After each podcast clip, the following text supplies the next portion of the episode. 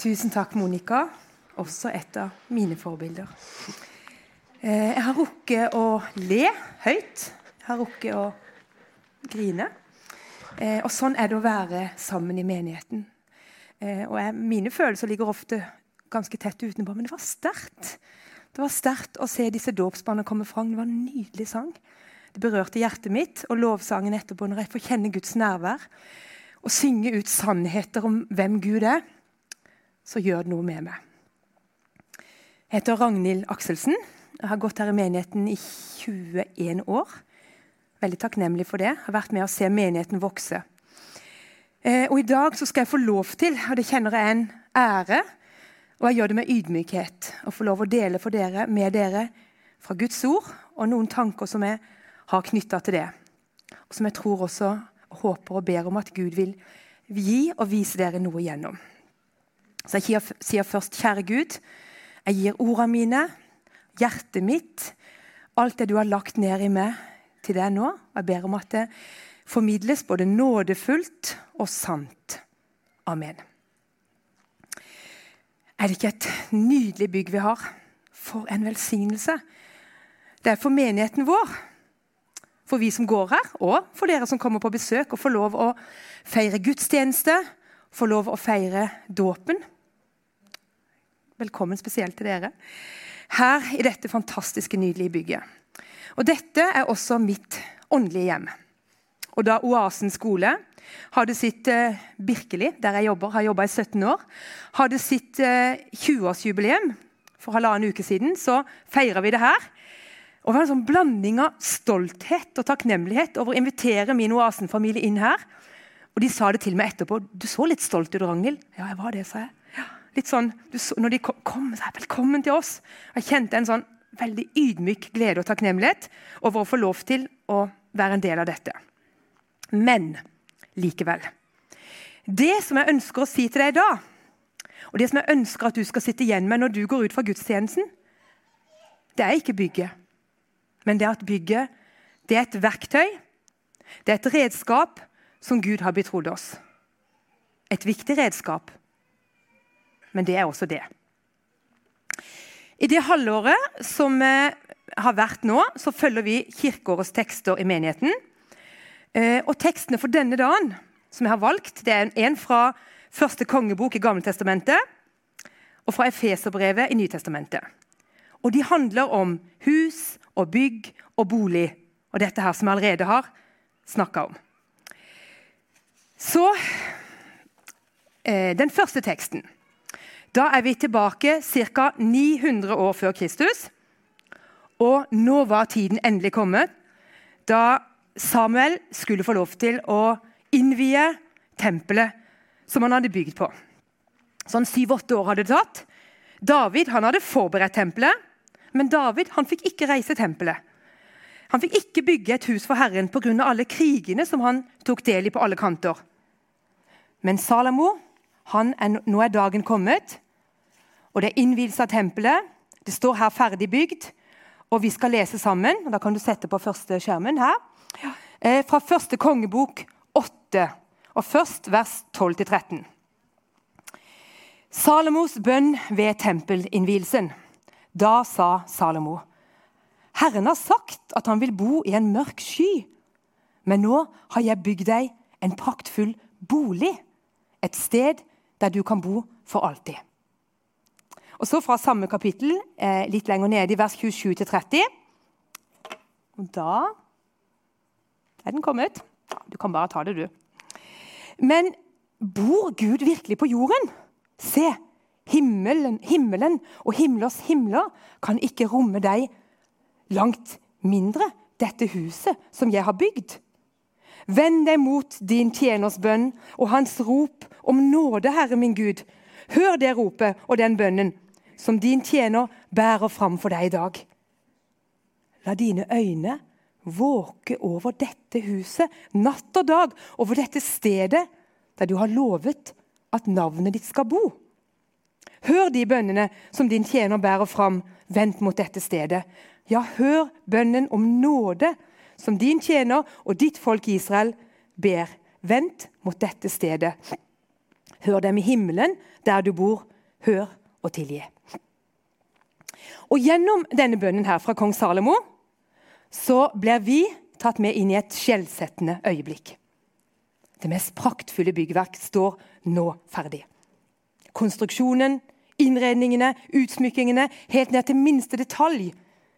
Det er bygd av sedertre og sypresser, og innsiden er kledd med rent gull. Det er ikke småtteri. Bare det beste var godt nok. Men selv dette byggverket, selv om det er helt fantastisk, så starter likevel Salomo med å si, hør Himlenes himler kan ikke romme deg, langt mindre dette huset jeg har bygd for deg. Og Det perspektivet vil jeg at du og vi skal ta med oss videre når vi går til den neste teksten, som også er tekstrekka for i dag, som står i Nytestamentet i Efeserbrevet. Efeserbrevet er skrevet av Paulus ca. 60 år etter Kristus. Altså nesten 30 år etter at Jesus døde og sto opp igjen. Og Det brevet det skrev Paulus mens han satt i fengsel i Roma, og han venta på rettssak. Brevet var skrevet til menigheten i Efesos, men det sirkulerte også til andre menigheter. Eh, og Derfor er det et brev som veldig mange av de første kristne leste og lærte av.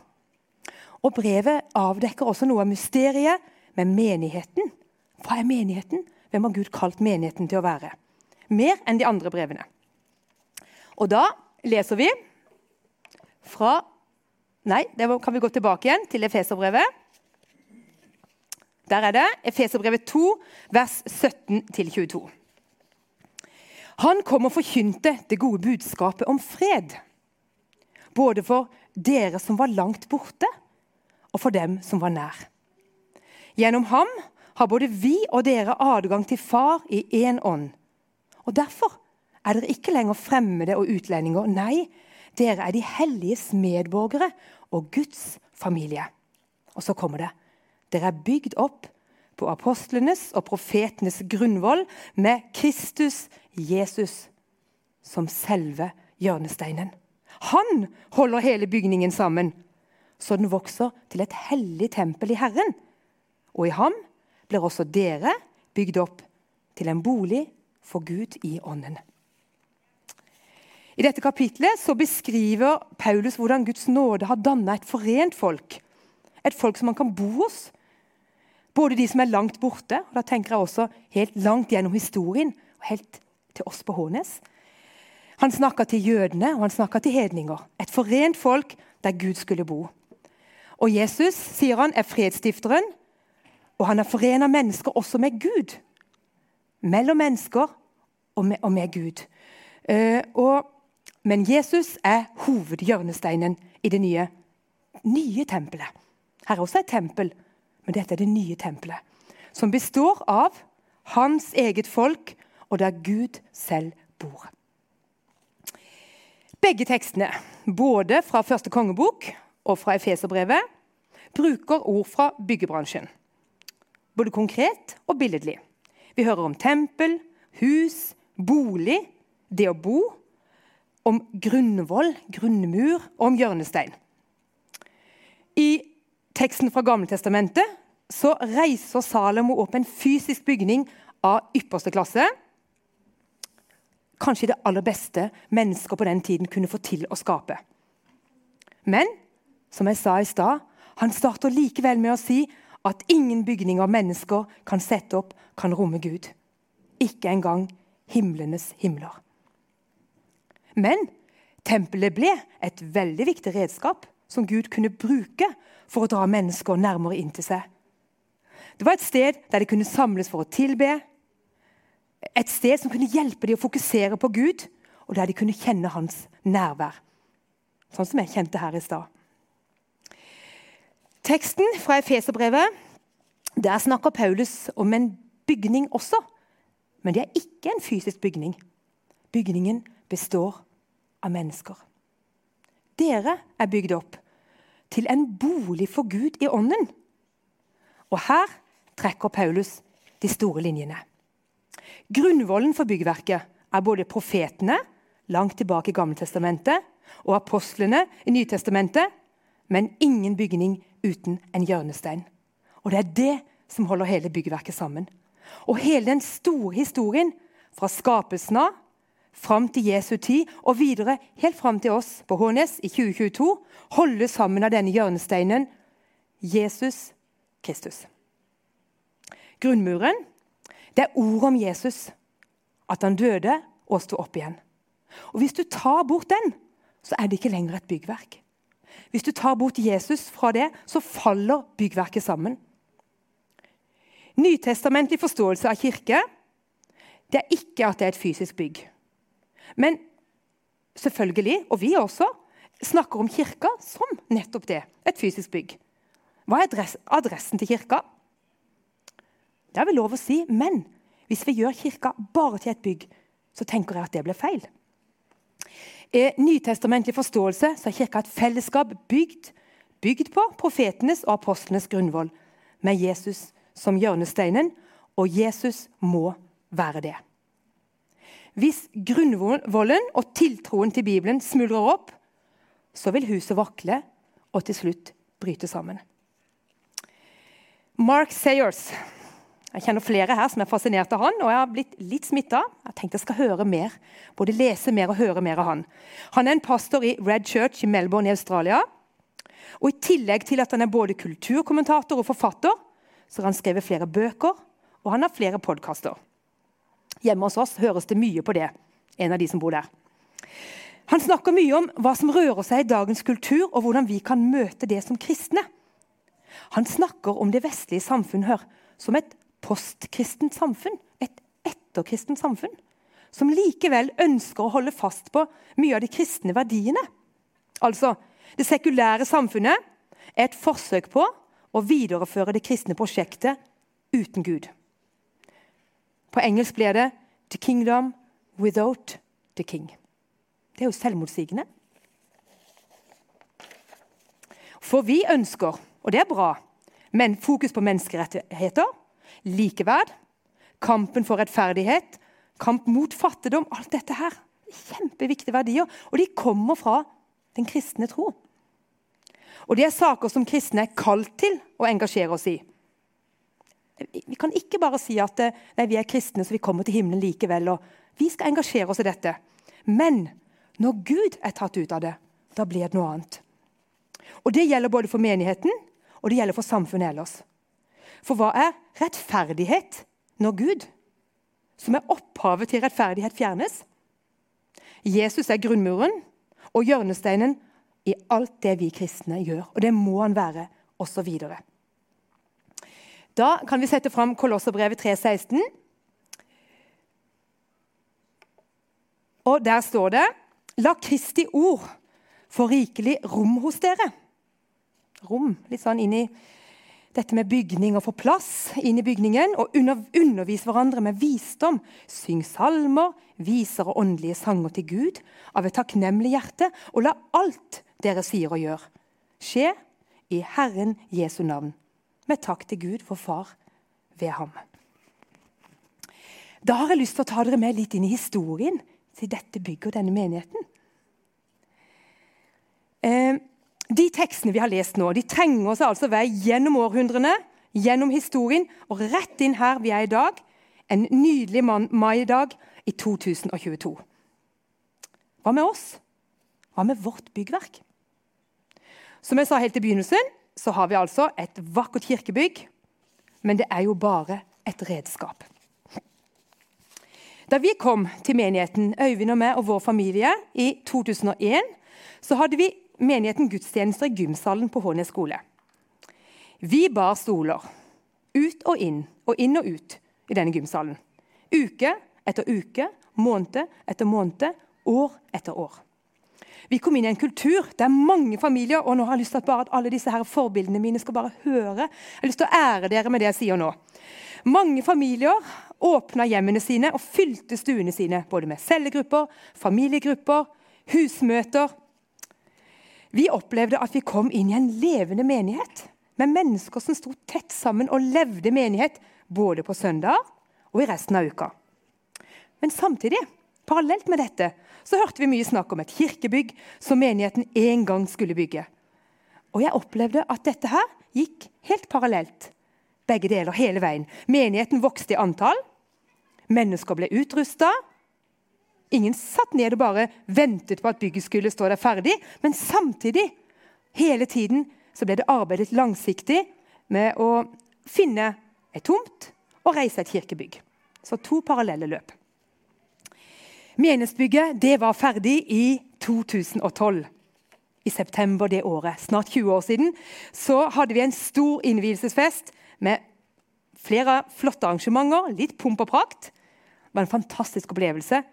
Kanskje litt sånn i likheten av det Salomo opplevde, hvis jeg får lov å sammenligne. Eh, men dette bygget det er også et verktøy, som jeg har sagt flere ganger. Et godt verktøy, men det er ikke nok i seg sjøl. Med bare et verktøy kan vi ikke bygge noe som helst. Vi kan heller ikke leve ut noe som helst. Vi trenger gode tegninger, vi trenger godt materiale for å holde dette bildet her. Men det gode verktøyet det gjør jobben lettere og mer effektivt. sant? Og På den måten er nettopp dette bygget et slikt verktøy som Gud har betrodd oss. Verktøyet hjelper oss å kunne dele det gode budskapet til alle generasjoner, som vi har snakka om i dag. Både til de som hører til menigheten, og også ut til nærmiljøet og til verden. I Salme 90, vers 1 står det Hør på den. Herre, du har vært en bolig for oss fra slekt til slekt. Det er noe sånne, åh.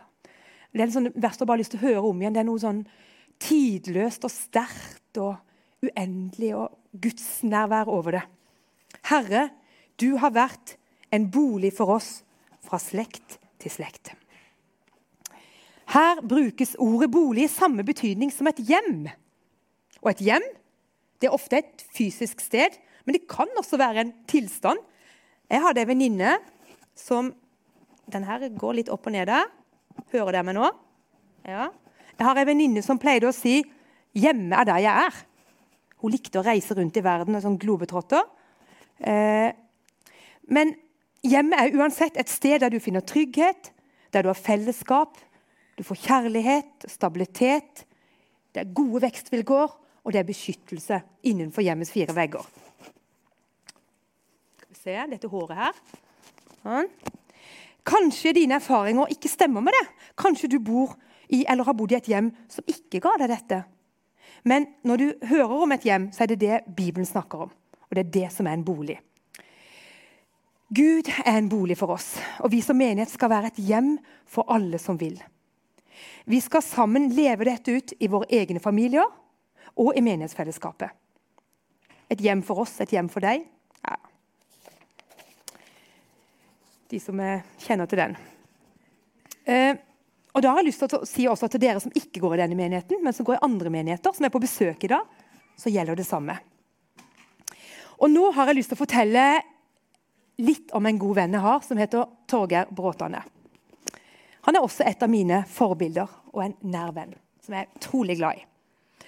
Eh, og Torgeir fikk et bilde for menigheten en gang eh, for en del år siden. Det var før bygget ble reist. Det var i planleggingsfasen. Og han, vi, han satt i bilen på vei til Menighetsviken, og da så han dette her for seg. Bygget som vi skulle reise, besto av fire vegger. Men det var ikke vanlige vegger. Veggene var mennesker. Mennesker som sto tett sammen med løfta hender. Og hver generasjon danna en vegg. Den første veggen var barn. Den andre veggen var ungdom. Den tredje veggen var voksengenerasjonen, og den fjerde veggen var de eldre. Og Sammen danna disse fire generasjonene et bygg med fire vegger, der hver vegg, hver generasjon, var helt nødvendig for at bygget skulle stå oppreist. Et bygg som lever, ble det kalt. Generasjonene sammen for Jesus. Jeg tenker ofte på det bildet. Eh, og Det bildet det ønsker jeg veldig at vi som har vært med i menigheten fra, nesten fra starten, vi skal være med og gi det videre til nye og kommende generasjoner.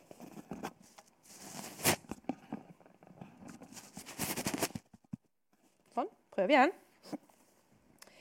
Eh, og bygget i seg sjøl er ikke menigheten, men det, det, bygget består av mennesker som sammen altså eller, eh, Dette bildet av et bygg som består av mennesker som alle er nødvendige for at det skal være et bygg. Generasjonene kjenner jeg. Dette her er liksom sånn, Jeg bruker ofte sterke ord, men faktisk kan jeg si jeg brenner for om dette her. Generasjonene må løfte hverandre opp og støtte hverandre. De må stå sammen for å lage dette bygget. Eh, og jeg tror det har vært, og jeg ber om at det fortsatt skal være, noe av styrken i vår menighet. Generasjonene ikke, jobber ikke mot hverandre, men de jobber for hverandre. Og vi trenger alle veggene for at byggverket skal stå stødig og holde seg oppreist. Vi har forskjellige behov ut fra hvilken generasjon vi hører til. Og vi må snakke sammen om hvordan vi mest mulig kan møte de forskjellige behovene. Men det er ingen motsetning til det å stå sammen som generasjoner i en enhetlig kirke. Vi, Øyvind og meg og vår familie har alltid vært med i familiearbeid. Og vi fortsetter sånn selv om alle barna er voksne. Vi kjenner at det arbeidet eh, det er utrolig viktig. Men det er viktig for meg å si, det er ikke viktigere enn det andre arbeidet som drives i menigheten.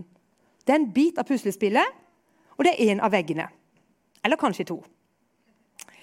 Eh, men jeg tror at eh, dette her når generasjonene står sammen og viser genuin glede for hverandre, og glede for hverandres arbeid og kjærlighet til hverandre, så tror jeg at det skapes noe helt spesielt. For det å leve som familie det er også utfordrende. Vi må lære å være rause med hverandre. Vi må godta hverandre og hverandres forskjelligheter. Både i familien og i menigheten. Det var en gang en gutt som kalte det for familieheten. Så det er litt sånn fint ord. Eh, men fundamentet det må være kjærlighet, raushet, ærefrykt og tillit til Gud. Og Da kan vi leve det ut med alt det innebærer. Torborg Oline Nyli hun er pastor i Ytre Randesund misjonskirke og har skrevet en bok med tittelen 'Åndelige foreldre'. Og Bak på boka så skriver hun Dette er et ønske om hjertevekkelse. Vi kaller ofte menigheten for vårt åndelige hjem. Men hvor er foreldrene? Hvor er de godt voksne som kan oppdra og rettlede eller bare være til stede? For det er dette de unge vil. Uten de voksne blir menighetslivet en alene hjemmefest, skriver hun. Eh, og dyrebar livserfaring går tapt. Så dette her, det er en oppfordring til, til meg og til dere som allerede har kommet et stykke i livet. Det er fremdeles bruk for det, både i og utenfor menigheten. Vær med og bidra. Og Så skal jeg si noe om forbilder i menigheten. Og som jeg sa i begynnelsen, Dette ønsker jeg å gi spesielt til alle dere som har vært og fortsatt er forbilder for meg i denne menigheten, og som har vært med på å forme mitt liv ganske mye til den jeg er i dag. Hør. Noen av grunnene til mitt engasjement er forbilder i menigheten som har smitta meg med sin brann, med sin trofasthet og med sin overgivelse. Det er familiene som har åpna hjemmene sine. Det er ektepar som er eldre enn oss, som fortsatt bruker tid og krefter på å gi til andre. Noe av det vi lærte da vi kom til Hånes, det var hvor mange mennesker det går an å få plass til inni ei stue. Og det er mange, skal jeg si det. Det er nesten faktisk uendelig. Uh, og noe annet som vi kjenner her, det har vært at eldre barn er modeller for yngre. Og når de yngre barna selv blir eldre, så går de rett inn i og er modeller for nye barn igjen. Så har jeg lyst til å spørre deg hvem er du forbilde for? Hvem er dine forbilder? Hvem er det du, Når du lukker øynene og tenker hvem er det du har lyst til ja, dette har jeg lært, den har jeg lyst til å følge, kjenn etter på det. Og sånn som vi har det da, bare en, en, Litt tid om det med familiegrupper. For, som sagt så brenner jeg for det. Eh, vi er altså sammen annenhver fredag. Spiser middag sammen. Begynner med det. Jeg har lyst til å si all slags fredager. Den fredagen der det er dårlig vær både inni og utenfor. Den fredagen der vi har kjempemye å gjøre og egentlig ikke hadde tid til det. og den fredagen der vi gleder oss til å treffes. Men vi, vi har på en måte lagd en, en, rytme. Vi er sammen annenhver fredag. og vi har, fått lov, vi har fått lov til å være sammen med noen av de familiene her i menigheten som har små barn. For så har jeg en kjempegod venn som heter Kirsti. Hun er fire år. Hun viser så glede over å treffe meg at det bygger meg opp inni meg. Og alle dere andre som er i løpet av åra, Det er uendelig med familier som jeg har fått lov å stå sammen med de åra jeg har vært her i menigheten. Jeg tror dette er bare helt gull og kjempeviktig. Så det skapes sterke bånd, det skapes kjærlighet. Vi deler Guds ord sammen. Og det er ikke sånn at fordi om jeg er eldre, så er det en viktigere del av Guds rike. Når jeg deler fellesskap med disse barna, så gjør det noe med meg. Det gjør noe med hjertet mitt. Øyvind Augland han sa i en tale Litt kjipt at dette her filmes nå, syns jeg. Ellers så går det greit. Eh, han sa eh, Hør på dette. Når vi skjønner at alt er nåde, kan vi leve godt med våre svakheter uten å bli mismodige. Og vi kan leve godt med våre styrker uten å bli hovmodige. Den har jeg liksom tatt med meg videre. Og Det gjelder alt arbeid vi driver med. Og alt det jeg snakker om nå, du kan på en måte nesten høre litt sånn rosenrødt òg. Nå kommer min mann med redningen. Ja, jeg tror det.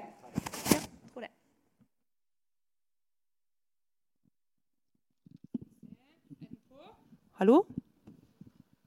Ja, bra. Tusen takk. Alt det som jeg har snakka om nå, det er altså mål å arbeide mot. Det betyr ikke at vi har fått til alt. Det er ikke rosenrødt. Men vi strekker oss mot det. Og en av de store forbildene i menigheten Jeg vet ikke om du er her i dag, Håvard Lauland, men jeg vil sitere noe han har sagt. Det er ikke hvor du er, som teller, bare retningen er god. Sant? Det vil jeg at vi skal ha med oss hele tida.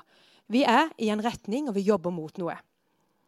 Så Dere kan vente litt med å gå opp i lovsangerne, men ikke så veldig lenge nå. For nå kommer utfordringen som jeg vil gi til oss som menighet, til dere som er på besøk, og til meg sjøl i dag. Og Den første gruppa jeg vil utfordre, det er du som har levd lenge på jorda. Jeg har levd ganske lenge. Jeg er ikke gammel enda, men det er ikke så kjempelenge til. Men jeg vil gi utfordringen til du som kanskje kan begynne å kalle deg sjøl for gammel. Kanskje tenker du at nå er det så mye fokus på ungdom og barnefamilier at det er ikke bruk for meg. Men du er viktig. Vil du ta din plass i dette hjemmet? Vil du dele av din erfaring fra et langt liv? Og hva et langt liv har lært deg? Vil du være med og be? Vil du heie fram de som kommer etter deg? Din generasjon har en veldig, veldig viktig plass i det byggverket. Så kommer neste vegg. Du som er midt i livet. Som har barn, kanskje. Som har jobb, som krever sitt. Som kanskje har mye gjeld. Og som løper fra FAU-møter til fotballtreninger og ikke kjenner at tida strekker til. Midt i alt stresset skal du få være med og bygge noe som du ikke aner rekkevidden av. Noe som har verdi langt inn i evigheten og langt utover deg sjøl. Du er betydningsfull. Vil du prøve så godt du kan å rydde plass i din travle hverdag og gi plass til Jesus? Til gjestfrihet og til plass for andre. Vil du det? Den tredje veggen ungdom. Fantastiske ungdom. Heier på dere veldig. Velg Jesus. Og jeg blir så glad når jeg ser nettopp på noen av de som sitter bak her, som er forbilder for meg også. faktisk. Det er viktig å si. Ungdommer kan også være forbilder for vår generasjon. Det er mange stemmer i verden å lytte til. Lytt til Jesus. Legg bort mobiltelefonen noen ganger. Hør hva Gud har å si til deg. Ta imot råd, ofte dyrekjøpt erfaring. Ofte dyrekjøpt, faktisk, fra de som har levd lenger enn deg. Ha det gøy.